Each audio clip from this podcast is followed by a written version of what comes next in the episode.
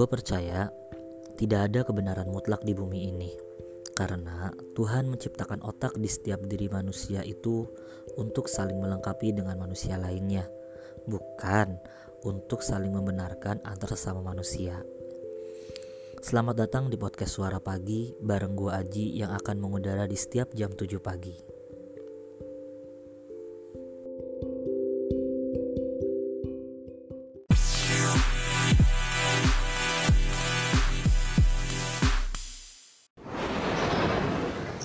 Halo, selamat datang di podcast Suara Pagi.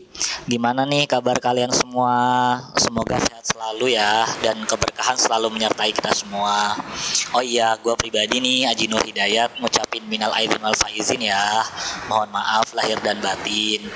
Semoga di bulan yang fitri ini mampu menghantarkan kita pada kondisi yang lebih baik lagi dan pandemi COVID-19 ini segera usai episode kali ini gue nggak sendirian nih. Biasa gue selalu punya temen ngobrol punya temen sharing karena podcast suara pagi ini membuka semua orang untuk bersuara di sini semua orang untuk mengajukan apresiasi narasi dan sebagainya. Gue ditemenin sama salah satu teman gue dia adalah salah satu ketua ikatan alumni pesantren di Pondok Pesantren Al Fajar Babakan Tegal. Langsung aja ya. Halo ada siapa di sana Oke, halo. Ini bersama gue Zain Al Ma'arif. Gimana gimana? gimana kabarnya. Zen? Alhamdulillah selamat. Masih sehat sih, masih bisa bernapas, masih bisa ngirup udara segar lah. Minal aidin wal faizin Zen ya. Oke, nih kita kalau- Bapak ini juga buat Bang Aji selaku apa ini? Apa aja? Si apa host? Host, host. Apa aja? Gimana Oke, Zen? oke. Idul Fitri Idul Fitri sekarang ke mana Zen? Di rumah aja atau pulang kampung atau mudik? Idul Fitri kali ini ya kita nggak bisa ke mana-mana, khususnya ya nggak bisa mudik lah. Tahun pertama lah ya, Iya. tahun pertama nggak bisa mudik, Oh masih di jadi Jakarta kita. oh jadi emang tak setiap tahunnya rutinan selalu mudik ya? Iya, kita biasanya tuh mudik kalau keluarga itu Hamin dua atau enggak Hamin satu lah. Dua tahun terakhir ini kita hal yang berkesan itu biasanya naik motor. Sekarang nggak bisa. Oh. Berarti sekarang domisili di Jakarta ya? Berarti sekarang ya? Di Jakarta, Oh. gitu. Abang Haji gimana? Ya kita udah pulang kampung dari awal kan kita. Aduh, ya ada. Semoga semua pada sehat lah ya. Amin, thank you, thank you. Gimana nih rasanya Lebaran tahun ini nggak mudik, terus apa sih ritual-ritual yang nggak bisa dilaksanain di tahun ini gitu? Ya kalau dibilang apa ya yang buat beda itu ibarat eh, kurang gula gitu. kurang manis. Ya. kalau kalau ritual ya apa ya kita lebaran kan biasanya kumpul sama sana keluarga. Sekarang sih kita tetap kumpul cuman ada yang kurang gitu. Nggak bisa semuanya full tim gitu. Makanya itu sebuah ritual yang menurut aku tuh kurang gitu loh bang Hmm, ya ya ya ya. Berarti sekarang cuman mungkin keluarga kecil doang gitu ya, keluarga dari bapak, Keluarga ibu, kecil. kakak, adik doang gitu ya, nggak nggak sampai keluarga besar, sepupu, om, nenek, kakek gitu ya. Iya iya iya. sama belum sama kumpul sama mertua Oh. Apa nih bisa main ke rumah mertua, calon mertua kali Iya, iya. belum ada kita soalnya Terus eh, kira-kira apa sih yang membedakan dari Idul Fitri tahun ini dan sebelumnya gitu? Apa ada esensi-esensi yang eh, mengubah mungkin Lebaran tahun lalu kayak apa terus karena kondisi yang seperti ini Lebaran tahun ini jadi seperti ini gitu? Ya sebenarnya gini loh lebaran itu kan euforianya orang-orang perantau Iya. kalau menurut aku ini artinya euforianya itu di mana ya ketika mudik itu kita macet-macetan ya kan Iya iya iya. buka iya. puasa di jalan sama keluarga ya ibarat kata touring lah ya Iya, touring iya. kecil itu menurut aku ya itu yang kurang yang membedakan tahun ini dengan tahun-tahun sebelumnya gitu loh terus kalau dibilang esensi ya sebenarnya esensi lebaran itu kan kemba, uh, kembali suci gitu kita kembali suci ya artinya kita seperti fitrah kembali gitu seperti bayi yang baru dilahirkan. Hmm. dan memang ya saling memaafkan gitu loh. Cuman bedanya kalau lebaran tahun lalu kita maafkan secara langsung secara tatap muka mungkin kalau sekarang ya via online via telepon via WhatsApp dan sebagainya. Itu sih yang bikin kurang. Iya sih benar juga kayak tadi uh, nyoba bahas tentang euforia ya. Gue juga ngerasain ada hal yang berbeda juga sih dari lebaran tahun ini gitu. Meskipun uh, yang gue rasain setiap lebaran ya gue di rumah gitu. Ketemu keluarga besar alhamdulillah. Cuman hal yang membedakan adalah euforianya gitu. Ketika gue sebagai anak rantau ya alhamdulillah gue udah tahun ke 10 ngerantau lebaran itu selalu menjadi puncak kerinduan gitu ya nggak sih? Lebaran itu menjadi puncak kerinduan. Lama nggak berjumpa sama sanak keluarga lama nggak berjumpa sama teman lama dan sebagainya. Dan dipertemukan di hari yang nggak terlalu lama mungkin dua minggu atau bahkan seminggu doang. Tapi akhirnya itu bisa menjadi hal yang wow gitu. Tapi sekarang karena udah dari awal Ramadan udah sering bersama gitu hanya Idul Fitri ya oh ya udah kayak gitu doang gitu. Akhirnya ngerasa puncak kerinduannya udah terbalas ketika awal-awal gue pulang kampung gitu. Jadi kayak ya, ya esensi euforianya emang kurang ya. sih. Esensi euforianya emang kurang. Meskipun esensi fitrahnya dan mungkin dari segi ibadah juga lebih khusyuk gitu ya. Karena Benar. bisa bareng keluarga terus gitu kan. Nah lanjut lagi nih. Uh, kira-kira ya gimana tuh? kan dari Bang Zen ini kan punya pengalaman banyak lah ya terkait keagamaan gitu kan di Bang di Bang gua nih kan gitu. Kira-kira dari perspektif, dari perspektif pesantren itu apa sih hikmah yang bisa kita ambil gitu dari kondisi Idul Fitri yang berbeda ini gitu. Mungkin orang jarang uh, kan kalau dulu kan nggak mau minta maaf lewat WhatsApp gitu maunya ketemu langsung gitu. Sekarang kan nggak bisa gitu emang kondisi yang memungkinkan kita untuk uh, maaf-maafan by phone gitu kan. Atau mungkin bisa lagi halal lewat zoom gitu kan. Gimana nih gimana? Kayak kuliah gitu ya. Hmm. gini ya ya aku jadi keingatan statusku itu.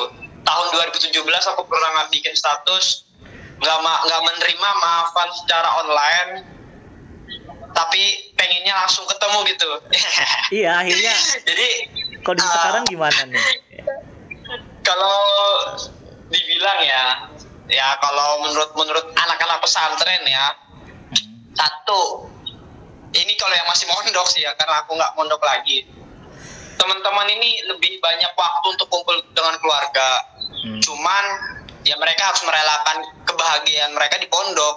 Hmm. ya nggak sih? Artinya ada ngaji-ngaji gitu ya pas Ramadan ya? Iya.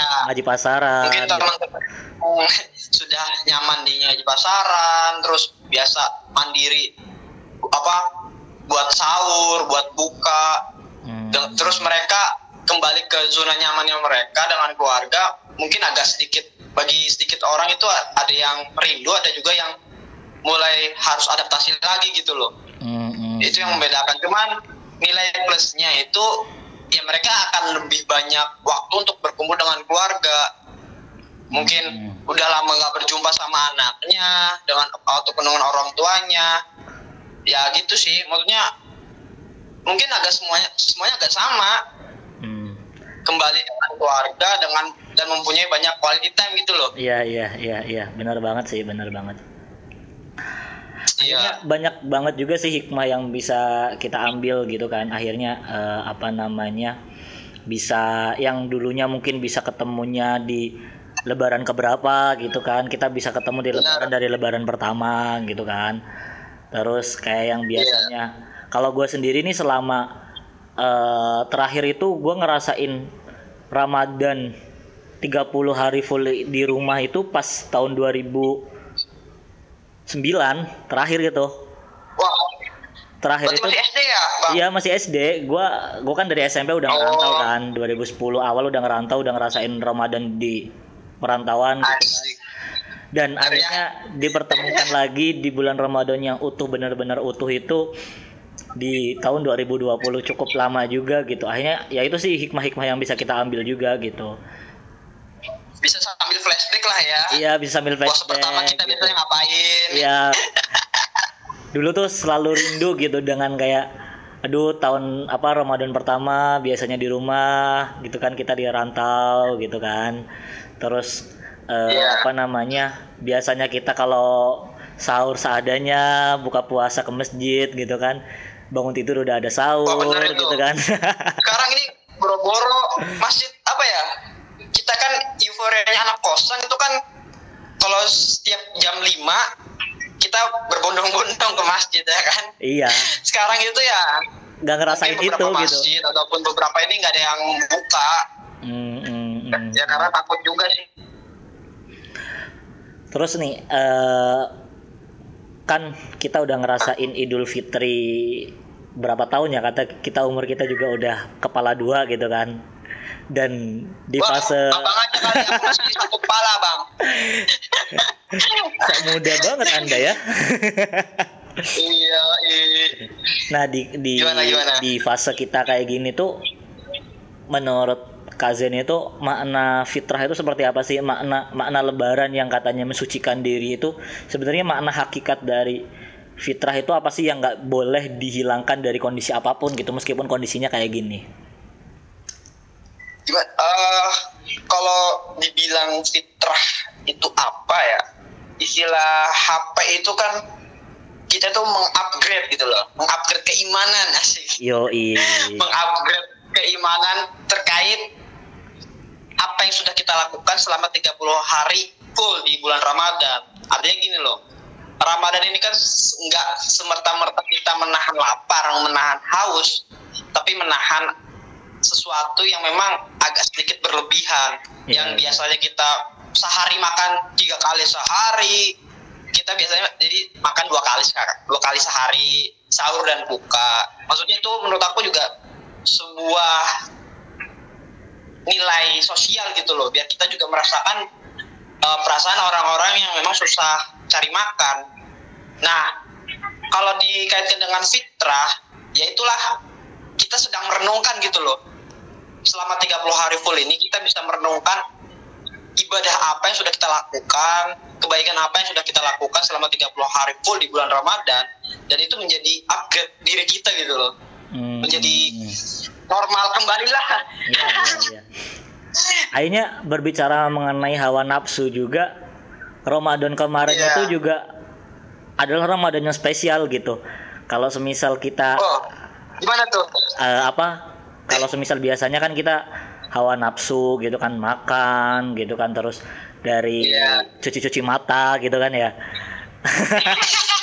Tapi Ramadan ini juga spesial gitu. Kita juga hawa nafsunya nggak sekedar hawa nafsu batiniah ataupun hawa nafsu dari segi dohiriah perut gitu tapi juga hawa nafsu ego Iya. untuk nggak boleh keluar rumah gitu kan untuk saling sama-sama menjaga gitu kan saling sama-sama Benar, menenangkan karena kondisinya juga cukup sedih juga ya ngelihat kondisi seperti ini taraweh nggak diadain gitu kan.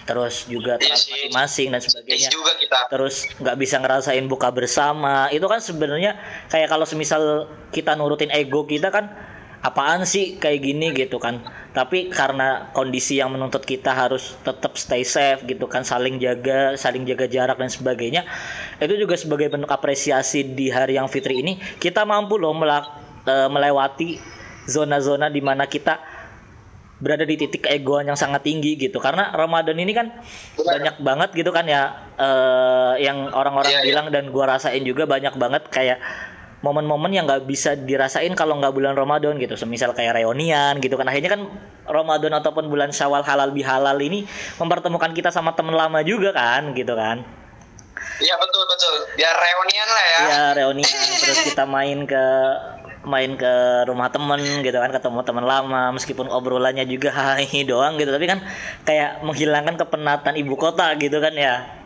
Benar. sebuah kebahagiaan tersendiri lah ya Hmm. Dan itu nggak bisa kita lalui di tahun ini gitu dan ada juga kan kalau dulu di euforia di Idul Fitri kita sudah melewati semua hawa nafsu yang kita tahan-tahan gitu. Benar. Tapi di, di Idul Fitri ini menurut gua ada yang berbeda sih gitu. Kita masih tetap kita masih tetap harus menjaga hawa nafsu kita untuk saling jaga jarak kayak gitu. Itu menurut gua hal yang spesial banget sih di Idul Fitri sekarang gitu. Kalau menurut ya lu gimana? betul sih jaga Eh, gimana ya terlalu sulit untuk dideskripsikan sih kondisi sekarang ini Iya, ya, terlalu Maksudnya- terlalu absurd gitu ya. Iya, artinya gini, kita pengen kumpul salah, tapi nggak nggak pengen kumpul kita salah juga. Artinya eh, kalau kita pendem akan ngebatin juga buat kita. Iya, Iya iya, nggak sih? bener banget, bener banget sih, bener. tapi kalau eh, tapi kalau kita tetap maksa juga, tetap bersiego juga, maksudnya ya itu akan membuat sedikit resah juga gitu. Karena kan hari ini nggak boleh kumpul-kumpul. Iya, iya, iya. Iya nggak sih? Bener, Jadi- bener, bener banget. kita ini sedang di mana masa yang memang benar-benar dilema lah, bukan ini ya di- dilema bener kita ke sini salah, kita ke sana salah, Iya, iya. sulit lah intinya. Dari segi dari segi mental juga sih, dari segi mental juga akhirnya eh, kita ngerasa berada di titik jenuh yang sejenuh-jenuhnya gitu. Ya udah Iya, wajar sih kondisi kayak gitu itu. gitu. Apalagi kayak kita-kita nih Apalagi anak di- anak rantau yang akhir lah gitu ya. Iya. Harapannya kita tahun ini bisa lulus gitu kan. Masih di abang batas. Enggak maksud gua gini. eh, kita anak-anak gue juga kalau misal teman-teman pengen tahu gue juga ngerantau juga gitu sama kayak Zen di ibu kota gitu kan. Kalau semisal pulang kan pengen merefresh otak gitu kan. Kalau pulang pengen Wah, kayak itu. melihat melihat kepenatan di Jakarta dan pengen merefreshnya dengan ketemu orang baru dan sebagainya gitu. Tapi dengan kondisi ini ya udah gitu kita kayak gini-gini aja gitu. Dan nggak memungkinkan juga banyak orang-orang yang di sana juga akhirnya psikisnya kena gitu. Akhirnya ngaruh ke mental healthnya mereka juga. Waduh eh Idul Fitri kayak gini-gini aja gitu nggak bisa ketemu temen dan ya udah masih jenuh dengan perkuliahan gitu kegiatan tetap tapi refresh atau wadah untuk kita melampiaskan kejenuhan itu belum didapatkan gitu karena kondisi yang seperti ini gitu Iya iya betul sih. Maksudnya tapi agak sedikit ada diuntungan juga Bang Haji. gimana tuh Ya kayak Bang Haji inilah di rumahnya tapi tetap bisa produktif ya kan. ampun Bisa bikin podcast. Sebenarnya podcast ini- ini nilai plus yang bisa kita ambil gitu iya sih Iya, akhirnya bisa eh, mengeksplor diri. kalau kalau semisal tadi yang disampaikan sama Bang Zen ini akhirnya bahwa pelampiasan yang bisa kita dapatkan dengan jadi diri kita sebagai manusia yang pandai untuk beradaptasi itu sendiri ya akhirnya media sosial yang dulunya hanya buat Iya. stalking mantan gitu kan tapi akhirnya bisa mampu untuk membentuk satu karya gitu kan ya betul betul bagus betul. sih akhirnya dan Ya, itu juga itulah, bisa menjadi benar. apa ya referensi buat teman-teman yang di luar sana juga ya buat pendengar suara pagi juga bahwa kalian bisa kok melampiaskan kejenuhan kalian ataupun eh, apa namanya kekhawatiran kalian, ketakutan kalian, kepanikan kalian ya dengan media sosial yang kalian punya gitu adalah suatu peluang ataupun suatu keuntungan tersendiri gitu di zona teknologi yang udah semakin canggih ini gitu ya. Canggih lah ya. Iya betul. Hmm. Terus eh, lanjut nih balik lagi ke topik Idul Iya. Fitri gitu kan. Kalau semisal nih jika diberi kesempatan untuk bertemu Idul Fitri tahun depan, amin semoga kita selalu panjang umur gitu ya. Kira-kira harapan apa sih yang bakal amin, amin. kira-kira harapan apa sih yang bakal Bang Zen eh, inginkan gitu di Idul Fitri Pengen. selanjutnya gitu iya. Hmm, harapan ya. Ya sebenarnya sih kalau untuk harapan ya lebaran ini jangan satu jangan dijadikan sebagai momen seremonial aja gitu loh. Kita memaaf maafkan ya hanya di bulan lebaran di bulan syawal gitu loh. Ya, tapi gimana caranya lebaran ini menjadi patokan lah patokan kita uh, dalam kehidupan sehari-hari gitu loh. Bahasa Artinya kan, lah ya. kalau di momen lebaran biasanya kalau di momen lebaran kan biasanya kita kan ya apa ya orang-orang itu murah senyum lah. Yo, ya iya iya. Ya kan? murah murah senyum. Ya terus ya orangnya tuh enjoy enjoy. Tapi ketika udah lebaran udah selesai kita menjalani kehidupan masing-masing ya kembali lagi ketika ketemu orang kita sedang puyeng ya udah umat ya sedikit sedikit kesel ya kan Hmm. maksudnya jadikan lebaran ini sebagai eh, patokan kita untuk bersosial gitu loh dan memang harapannya ya semoga kita selalu bisa menjaga diri gitu dari hal-hal yang memang sedikit apa ya me, me- me- apa sih? Merusak lah bukan merusak merusak hati kita Yoi. gitu mencederai hati kita. Ya Bener banget sih, bener banget. Karena yang kita tahu yang kita tahu kan emang Sawal kadang membuat apa ya fitrah baru. Akhirnya narasi yang selalu dibangun di setiap tahunnya bahwa eh, bulan Syawal adalah bulan kesucian gitu. Akhirnya eh, semangat untuk beribadahnya semangat untuk beragamanya pun juga semakin tinggi gitu. Tapi kadang Iya, juga betul. ya namanya juga manusia ya kadang ya udah pasca bulan Syawal terus back to rutinitis gitu kembali kepada rutinitas lupa lagi gitu semangat yang pernah dulu kita bangun sama-sama selama 30 hari bulan Ramadan dan puncaknya Idul Fitri gitu ya. Semoga ke depannya bulan Syawal ini mampu menjadi tolak ukur lah menjadikan muhasabatun nafsi untuk hidup yang lebih baik lagi gitu lah ya. Benar itu bang Haji betul sekali. Duh, udah keren ini bang Haji nih memang. Ngasih inspirasi buat kita semuanya. Nah, satu lagi nih pertanyaan lanjut lagi nih Aduh. kembali ke Idul Fitri. Kalau semisal kalian tahu ya bahwa Bang Zen ini adalah pejuang rindu yang selalu romantis dalam kata-katanya. Yo, jadi jadi kenapa akhirnya di podcast kali ini gue pengen ngobrolnya sama Bang Zen ya selain beliau juga punya latar belakang pesantren, beliau juga selalu aktif dalam gerakan perinduan gitu, apalagi perinduan cinta gitu ya. Kan kita sama juga kayak abang Ampun, kita mangga. Nah. abang kan lebih jauh di Nirboyo Kita mah numpang lewat. Nah, jadi gini Bang Zen di setiap uh, sesi podcast suara pagi selalu ada harapan dan pesan Iya. gitu kan. Nah, apa sih pesan-pesan dari Bang Zen gitu untuk pejuang rindu yang belum bisa mudik terus karena kondisi seperti ini belum bisa melampiaskan rindunya entah sama keluarga, sama sanak saudara atau sama pacar, sama gebetan dan sebagainya. Pesan-pesannya apa nih? pesannya satu. Pejuang rindu banget kayaknya. yang penting sih tetap jaga komunikasi ya jaga komunikasi yang baik dengan keluarga ya gimana gimana pun juga kita nggak bisa pulang ya bukan menjadi suatu alasan yang kuat gitu loh karena kita udah betah di perantauan udah betul udah betah di Jakarta tapi karena kondisi yang nggak memungkinkan. Jadi ya menurut pesanku ya mungkin versi orang-orang beda lah ya ada yang pesannya nggak usah dipaksain ntar nggak kuat. Mending langsung diterobos aja ya kan Ego lagi kalau kayak gitu. bahaya Iya. yang penting kan tetap jaga komunikasi yang baik jangan sampai membuat keluarga itu khawatir karena Hmm.